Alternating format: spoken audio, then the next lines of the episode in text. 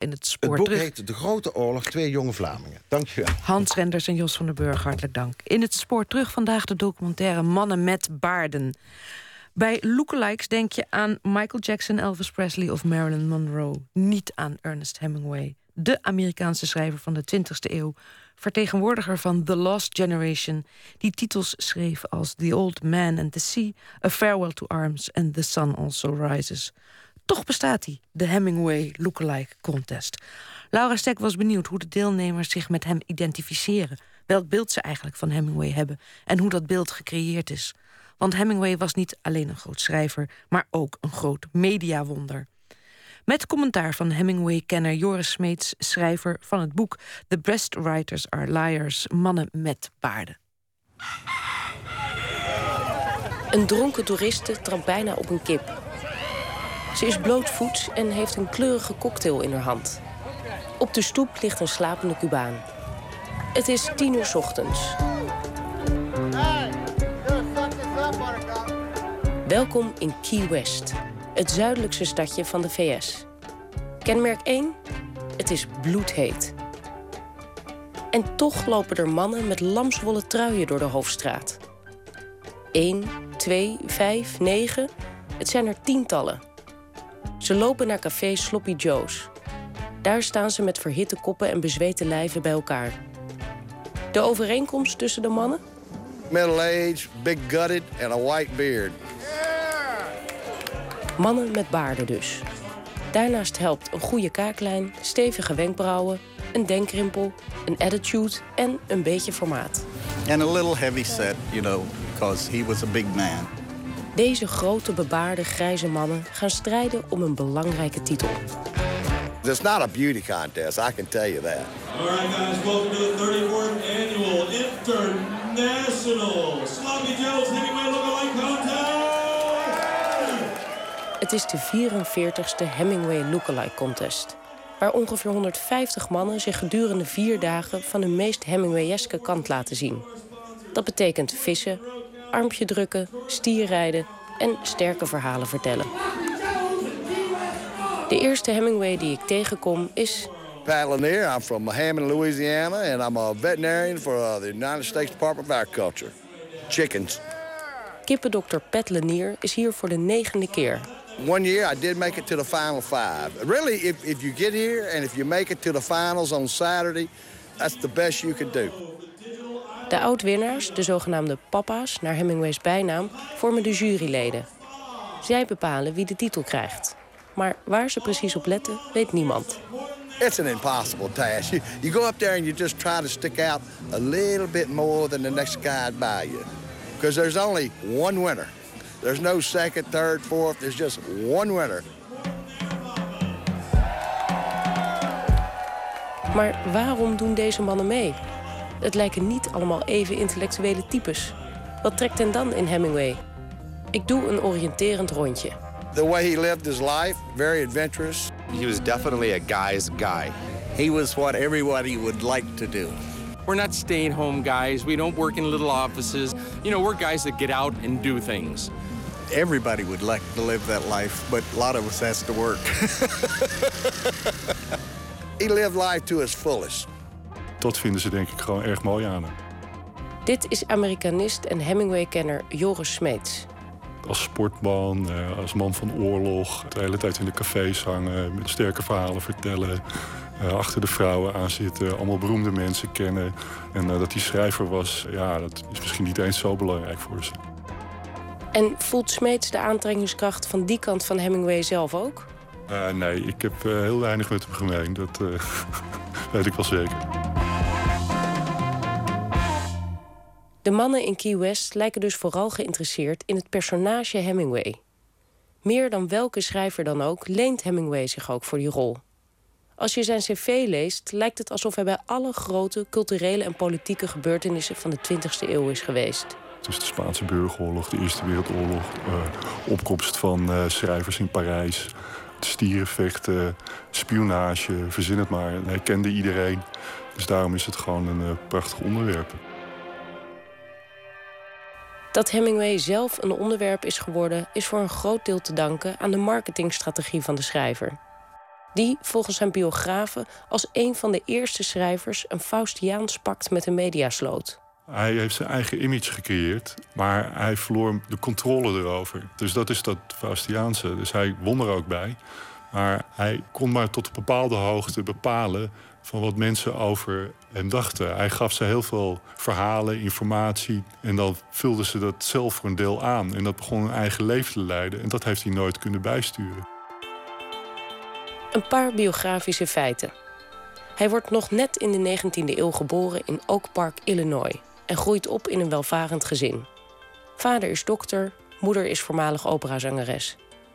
Hemingway gaat in tegenstelling tot zijn vrienden niet studeren en begint een carrière als journalist. Over de jonge Hemingway is niet erg veel bekend. Maar over één ding zijn de biografen het eens. Hij houdt van wedstrijdjes. Ja, waar dat competitieve vandaan komt, dat is niet helemaal duidelijk. Maar dat zat er al heel vroeg in. Hemingway wil in dienst van het leger, maar wordt geweigerd vanwege een slecht oog. Daarom geeft hij zich in de winter van 1917 op bij het Rode Kruis. Als ambulancechauffeur voor het Italiaanse front. Voor Hemingway was het heel belangrijk dat hij in de Eerste Wereldoorlog uh, bij het front was geweest. Na een paar weken is het al raak. Op 8 juli 1918 ontploft er vlakbij een granaat. En Hemingways been zit vol met scherven. De verslaggevers weten hem snel te vinden. Nou, het bijzondere aan Hemming is dat het eigenlijk min of meer vanzelf ging. Toen hij in het ziekenhuis lag eh, om te herstellen, uh, werd hij al gefilmd. En die film verscheen dan in Amerikaanse bioscopen. Ja, dat is toch bijzonder dat zo'n jongen die helemaal niks voorstelt in zo'n ziekenhuis ligt. Hij was een van de eerste gewonden in Italië, Amerikaanse gewonden. Dat hij dan in beeld komt. En hij krijgt ook nog eens de Italiaanse medaille voor militaire dapperheid. Omdat hij na de granaatinslag een andere gewonde soldaat zou hebben gered. Het is een omstreden medaille. Want kan je nou uh, een gewonde soldaat tillen als je aan je benen gewond bent? Maar de Italianen wilden graag veel aandacht aan Amerikanen geven. Want er waren nog nauwelijks Amerikanen in Italië. Uh, Italianen hadden de Amerikanen heel hard nodig om tegen de Duitsers en de Oostenrijkers te vechten. Dus men denkt dat hij het gekregen heeft voor de publiciteit.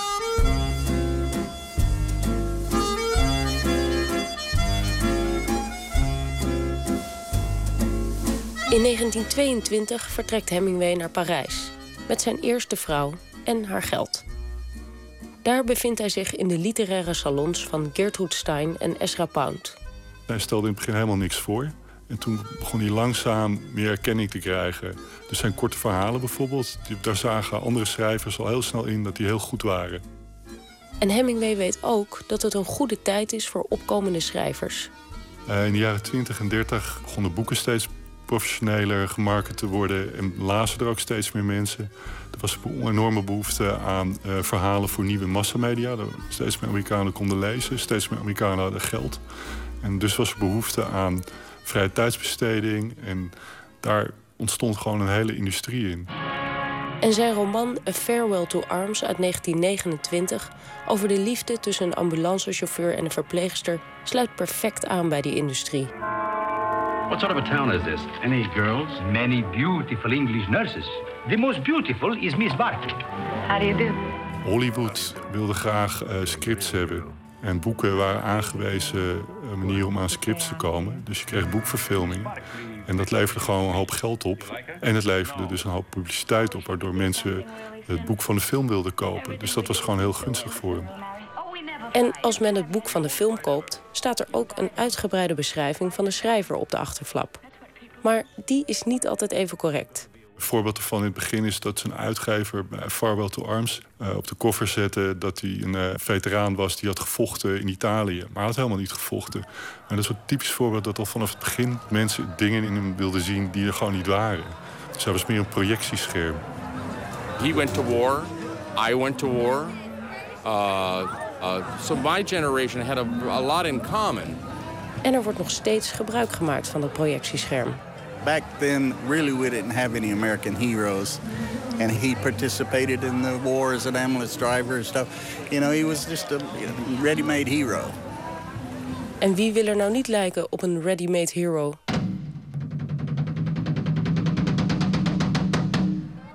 De eerste ronde van de Hemingway Lookalike Contest is begonnen. De mannen moeten zichzelf in een halve minuut voorstellen en vertellen waarom zij de perfecte Hemingway zijn. Sommigen stellen zich braaf voor, anderen nemen zo lang de tijd dat de microfoon moet worden afgepakt. En er zijn er ook een paar die een lied zingen.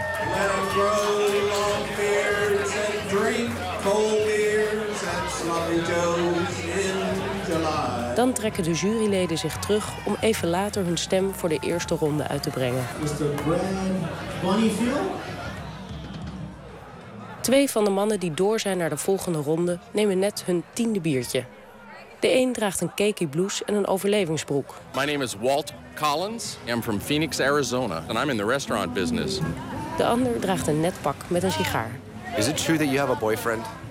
Ze verbeelden de oude, grijze bebaarde en de jonge, zwartharige, besnoorde Hemingway. En ze zijn fanatiek. You know, I did my research. I looked at old photos, you know, down to the exact suit that he was wearing. You know, so you got you kind of have to do your research. You don't want to go up there unprepared. We're very serious about the competition because we, we expanded a lot of effort to come to this event. And you got to remember it's in July, which is the hottest time and the most uncomfortable time of the year. Walt komt hier nu al zes jaar. Of eigenlijk moeten we zeggen, pas zes jaar. Want de juryleden reiken de prijs meestal uit aan de Hemingways die hier al jaren meedoen. Het gaat om de Ausdauer. Want ook dat is Hemingway. There are people that go 18, 19, 20 years who haven't won it, who still come back every year. Hij wijst naar een schuchtere Hemingway naast hem. Like Hank. Hank's never going to win it, but he comes back every year. And I think we're going to keep coming to this because it's so much fun. Tricks, tricks, we want tricks. Terug naar de jaren 20 en 30 en weg van het zweet. Hemingway heeft inmiddels een aantal bestsellers geschreven. Maar hij is doodsbang dat de aandacht verbleekt. Hij wilde vooral een groot schrijver worden. En uiteindelijk is ook alles in zijn leven daar wel op gericht. Maar om dat te ondersteunen wil hij ook aan zijn autoriteit als persoonlijkheid werken. Daar was hij al mee begonnen in zijn eerste boek, The Sun Also Rises, uit 1926. Eigenlijk is dat het ultieme toeristenboek. Het eerste deel gaat over Parijs. En daar komen heel wat kroegen en restaurants in voor. En Hemingway geeft ook gewoon tips daarin. Wat je moet eten en waar je heen moet gaan. Ik laat zien hoe het eh, hier in elkaar zit en hoe het hier werkt en wat je hier moet doen. Dat, dat vond hij erg leuk om te doen. En dat boek is nog steeds een gids voor Amerikanen die naar Europa gaan. En die gidsfunctie bouwt hij verder uit. Rond 1930 eh, zit hij in een soort crisis. Zijn vader is overleden door zelfmoord. Eh, hij is gescheiden in 1926, 27. En dan gaat hij zich opeens helemaal verdiepen in stierenvechten. En in die tijd gaat hij ook schrijven voor Esquire, een mannenblad. Dat is dan net opgericht. En, eh, en dan een paar jaar later gaat hij op safari naar Afrika. En door die projecten kan hij een soort non-fictie publiek persoon creëren. Dat hij zoveel verstand heeft van vissen, eh, van jagen. En hij spreekt zich ook uit over politiek. En zo weet hij dus gewoon een heel groot publiek te bereiken... wat helemaal niks met het literaire establishment of met critici en zo te maken heeft.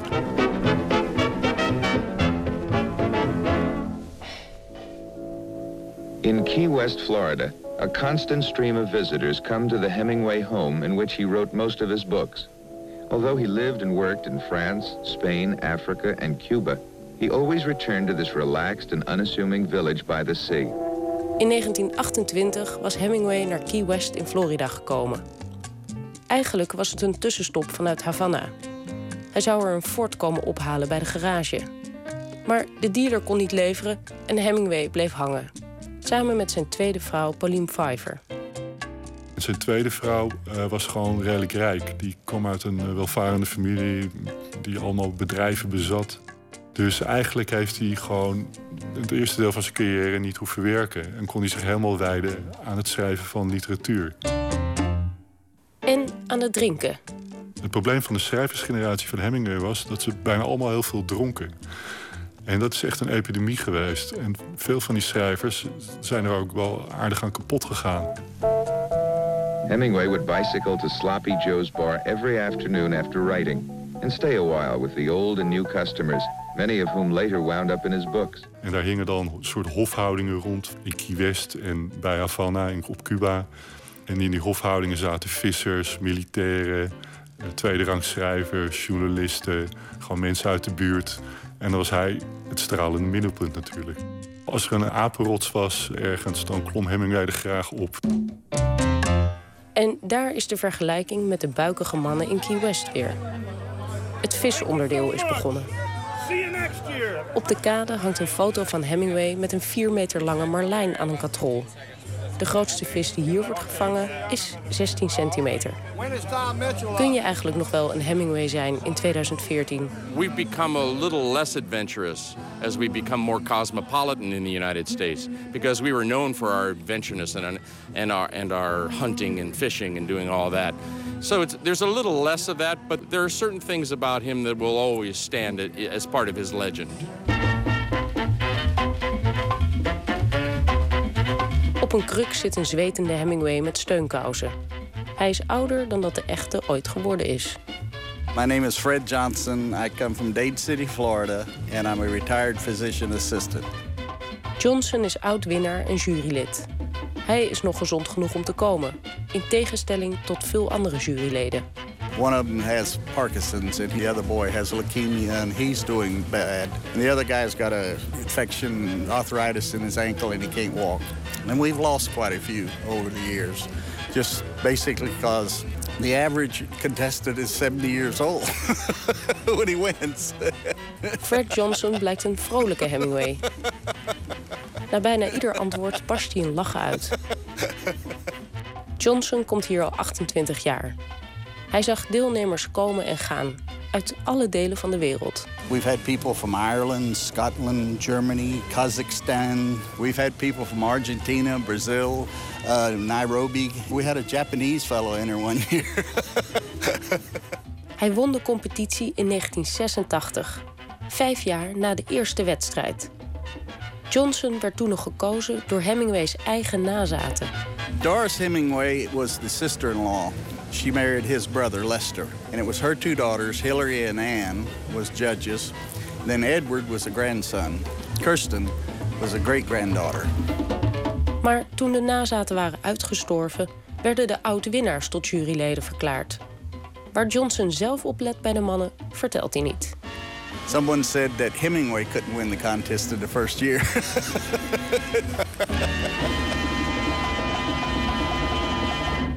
Het is in café Sloppy Joe's op Key West dat Hemingway in 1936 oorlogsverslaggeefster Martha Gellhorn tegen het lijf loopt. Het zou zijn derde vrouw worden.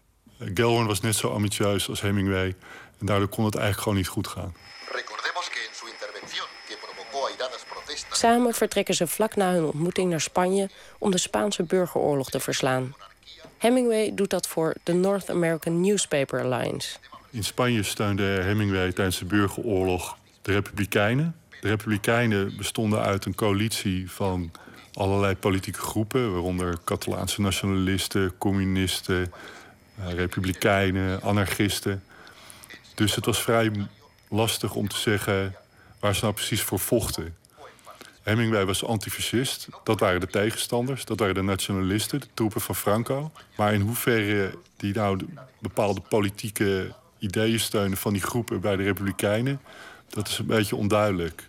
Zijn politieke engagement ondersteunde zijn uh, literaire werk, kun je zeggen. En dat levert hem ook gewoon een hoop op. Namelijk een nieuwe bestseller. One of the greatest classic pictures of all time. En een film met Cary Cooper en Ingrid Bergman. Ernest Hemingway. For whom the bell tolls. I don't know how to kiss or I would kiss you. Het vertelt het verhaal van Robert Jordan, een jonge Amerikaanse explosieve expert die voor een antifascistische guerrilla-eenheid werkt. Een typische klassieke Hemingway-held.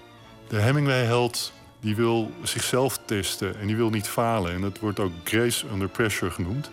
Dat je je goed weet te houden onder enorme druk. En dat is gewoon de zelftest die in veel van die boeken van hem ook zit. Dat iemand het heel lastig heeft, maar er niet al onder doorgaat. En het uh, bombardement doorstaat of wat dan ook. Maar door zijn werk als journalist en expert wordt die fictieve Hemingway-held al snel verward met de verslaggever Hemingway. De Spaanse burgeroorlog is gewoon een goed voorbeeld. Hij schreef artikelen voor, voor een enorme groep kranten. En heel veel mensen lazen die artikelen. En daarna verschijnt er een boek. Beschrijft hij een guerrilla-oorlog. Ja, hij is zelf geen guerrilla geweest. Maar lezers die dachten dus gewoon van... Hemingway beschrijft het in zijn roman zo, dus zal hij het wel hebben meegemaakt. Dat is de Hemingway-truc, zeg maar. Dat mensen zijn fictie en non-fictie niet uit elkaar kunnen halen. En dat is zowel zijn kracht als zijn zwakte. Want het is behoorlijk uitputtend om constant tegen een net iets heldhaftiger alter ego op te boksen. Zijn personage wordt steeds meer ingevuld naar de verwachting van het publiek. Ook als hij door onhandigheid het wc-licht op zijn kop krijgt. En dat veroorzaakte een vrij grote wond op zijn voorhoofd. En daar liep hij dan mee in Parijs rond. En mensen begonnen natuurlijk te denken van... Oh, dat zal een vechtpartij geweest zijn. Terwijl hij in een dronken bui per ongeluk gewoon een licht op zijn kop had getrokken. Door dat imago ondergraaft hij ongewild zijn hoogste doel. Een groot schrijver zijn die gelezen wordt.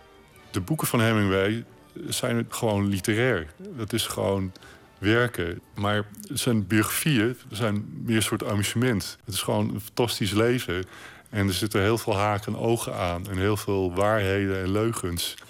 I'm gonna say really the, the only thing I, I liked as far as what he wrote was, was The Old Man in the Sea. The rest of it is people writing about him and learning about his life through someone else. That, I, I like reading those better. Het gaat zelfs zo ver met boeken over Hemingway dat de boot van Hemingway een eigen boek heeft gekregen. Dat is een soort biografie van zijn boot. Dat is eigenlijk een deel van je tragiek ook weer. Dat mensen liever over hem lezen dan werk van hem lezen. Dus uiteindelijk zou het zo kunnen zijn dat, dat ze over een paar honderd jaar nog weten wie Hemingway was en wat hij heeft gedaan. Maar dat ze zijn boeken helemaal niet meer lezen. Dat zou, zou hij niet leuk hebben gevonden.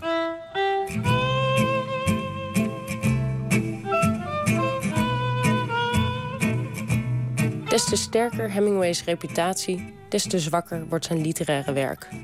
Dat komt ook door een steeds groter wordend gebrek aan zelfkritisch vermogen. In de film Midnight in Paris van Woody Allen wordt die eigenschap karikaturaal uitgelicht. Hemingway. Hemingway? Can I ask you the biggest favor in the world? No. What is it? Would you read it? Your novel. Yeah, it's, it's like 400 pages long, and, and I'm just looking just for, you know, just an opinion. My opinion is I hate it. I mean, you haven't even read it. If it's bad, I'll hate it because I hate bad writing. If it's good, I'll be envious and hate it all the more. You don't want the opinion of another writer. Hemingway kon niet erg goed tegen kritiek van literaire critici. Je had een enorme hekel aan ze. En het is eigenlijk heel erg misgegaan met het schrijven... doordat hij geen mensen meer om zich heen had... die durfden te zeggen van dit is gewoon niet goed. En na 1940 wordt dat erger. De redacteur bij zijn uitgeverij was heel belangrijk, Maxwell Perkins. Die overleed in 1947. Er zijn ook wel biografen die denken dat zijn tweede vrouw, Pauline Pfeiffer, echt belangrijk was. Die wilde na 1940 niks meer met hem te maken hebben, of weinig in ieder geval. En de laatste belangrijke schrijver die nog kritiek durfde te uiten was John Dos Passos. En daar kreeg hij in 1937 ruzie mee. Dus dat was de ondergang voor zijn schrijven. De biografen breken ieder jaar nog hun hoofd over de herkomst van die angst voor kritiek. Zijn competitiedrang en zijn hang naar bevestiging. Maar Joris Smeets doet niet aan speculaties. Ja, dat is met de psychologisch. Daar hou ik niet zo van.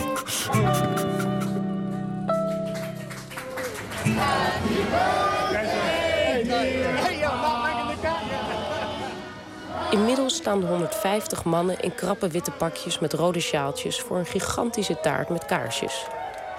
Ze vieren het verjaardagsfeestje van hun held. All ladies and gentlemen. Dan maken ze zich op om de klaargemaakte stieren te bereiden. Stieren van papier-maché op wieltjes. Een straalbezopen Hemingway probeert zich op een van de creaties te hijsen.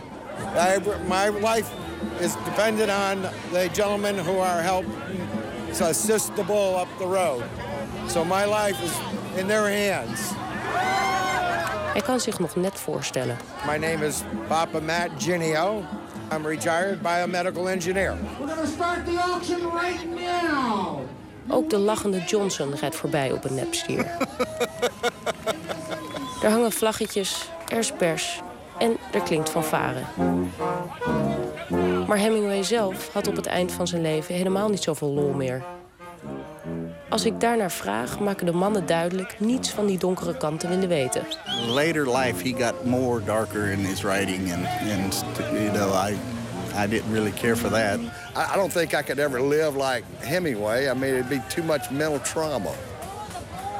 Toch vind ik na even zoeken één man die breder geïnteresseerd is in Hemingway. They put the emphasis on the adventure side, and there's no denying that. That's all there. But they rarely find the side that I've discovered. Het is de Canadees Brian Gordon Sinclair. Ondanks dat hij ook op Hemingway lijkt, doet hij niet mee aan de wedstrijd. Hij werkt als serieuze Hemingway-acteur. Actually, I don't call myself a, a lookalike. I, gosh, I call myself a playwright and an actor. En Sinclair lijkt zich voor de verandering goed te hebben ingelezen. The first thing I did was to read every work that he ever wrote. That's when you discover that there's a, a whole book of poetry there that most people have never, never heard of. That's become almost my mission in life to show the more sensitive side of, of Ernest Hemingway. En gelukkig, eindelijk iemand die over zijn gevoelige kant begint. Sinclair vertelt dat hij zich op een heel andere manier vereenzelvigt met Hemingway. I'll be honest, like Hemingway, I'm an alcoholic.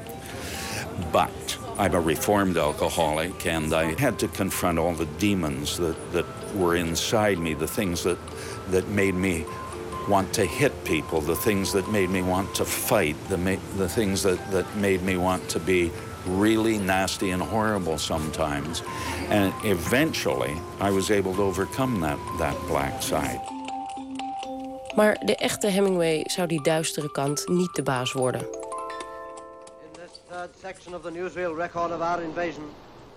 Vanaf de Tweede Wereldoorlog gaat het bergafwaarts. Om te beginnen doet de oorlog het huwelijk met Martha Gellhorn geen goed.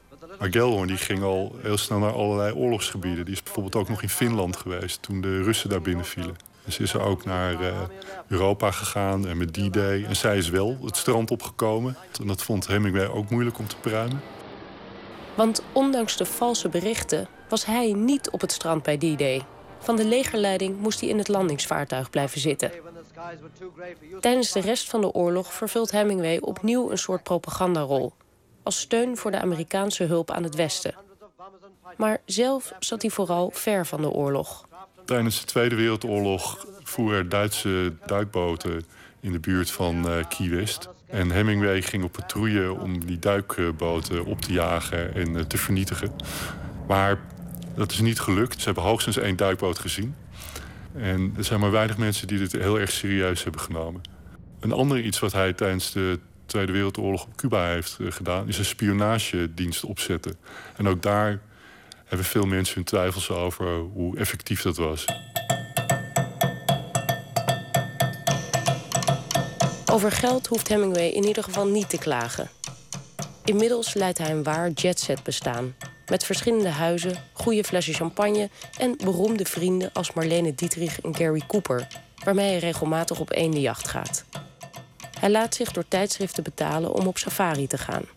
In 1954 ging Hemingway naar Afrika. Het was uh, een soort herhaling van de safari in de jaren 30.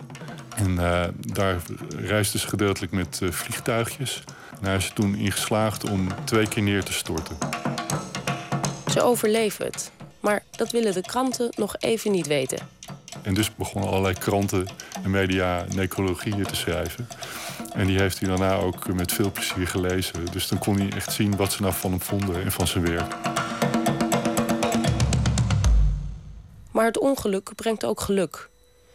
Want kort daarna wint Ernest Hemingway de Nobelprijs voor de literatuur. Voor zijn meesterschap in de kunst van het vertellen. Meest recentelijk gedemonstreerd in The Old Man and the Sea. En voor de invloed die hij heeft uitgeoefend op de contemporaine stijl. Vanwege zijn verwondingen is hij er zelf niet bij. Dus hij liet het voorlezen en die speech is eigenlijk heel somber. Writing at its best is a lonely life. Organizations for writers palliate the writer's loneliness, but I doubt if they improve his writing. He grows in public stature as he sheds his loneliness, and often his work deteriorates. Maar hij zegt op een bepaalde manier ook van ik hoor erbij. En aan de andere kant zegt hij hoe eenzaam het wel niet is om te schrijven. En in 1954 worstelde hij dus heel erg met het schrijven. En dat er maar gewoon niks uitkwam. For he does his work alone, and if he is a good enough writer, he must face eternity, or the lack of it, each day. I have spoken too long for a writer. A writer should write what he has to say and not speak it. Again, I thank you. De Nobelprijs kan niet verhelpen dat hij de jaren erop aan manische uitbarstingen gaat lijden, gevolgd door diepe depressies. Aan het eind van zijn leven zat hij wegens depressies eh, in een inrichting twee keer. Hij deed een aantal zelfmoordpogingen. Uiteindelijk is het hem gelukt. Hij heeft zich met uh, zijn favoriete geweer door zijn hoofd geschoten. Net als zijn vader, broer, zus en later ook zijn kleindochter.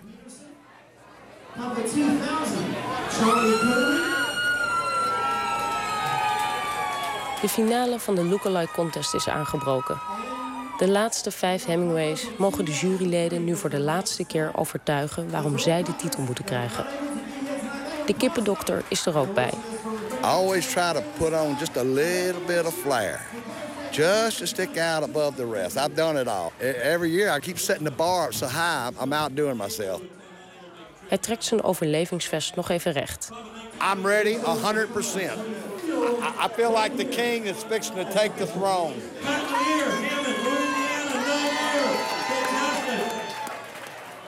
De gevoelige Hemingway-acteur staat vanuit een hoekje toe te kijken. Wat zou Hemingway hier zelf eigenlijk van hebben gevonden? Most people think that, that Ernest Hemingway would be horrified if he saw this today. And God only knows what his reaction would be to the, this Hemingway look-alike contest. It, he would either laugh himself silly or pull out the remaining hairs on his head and say, Get me out of here.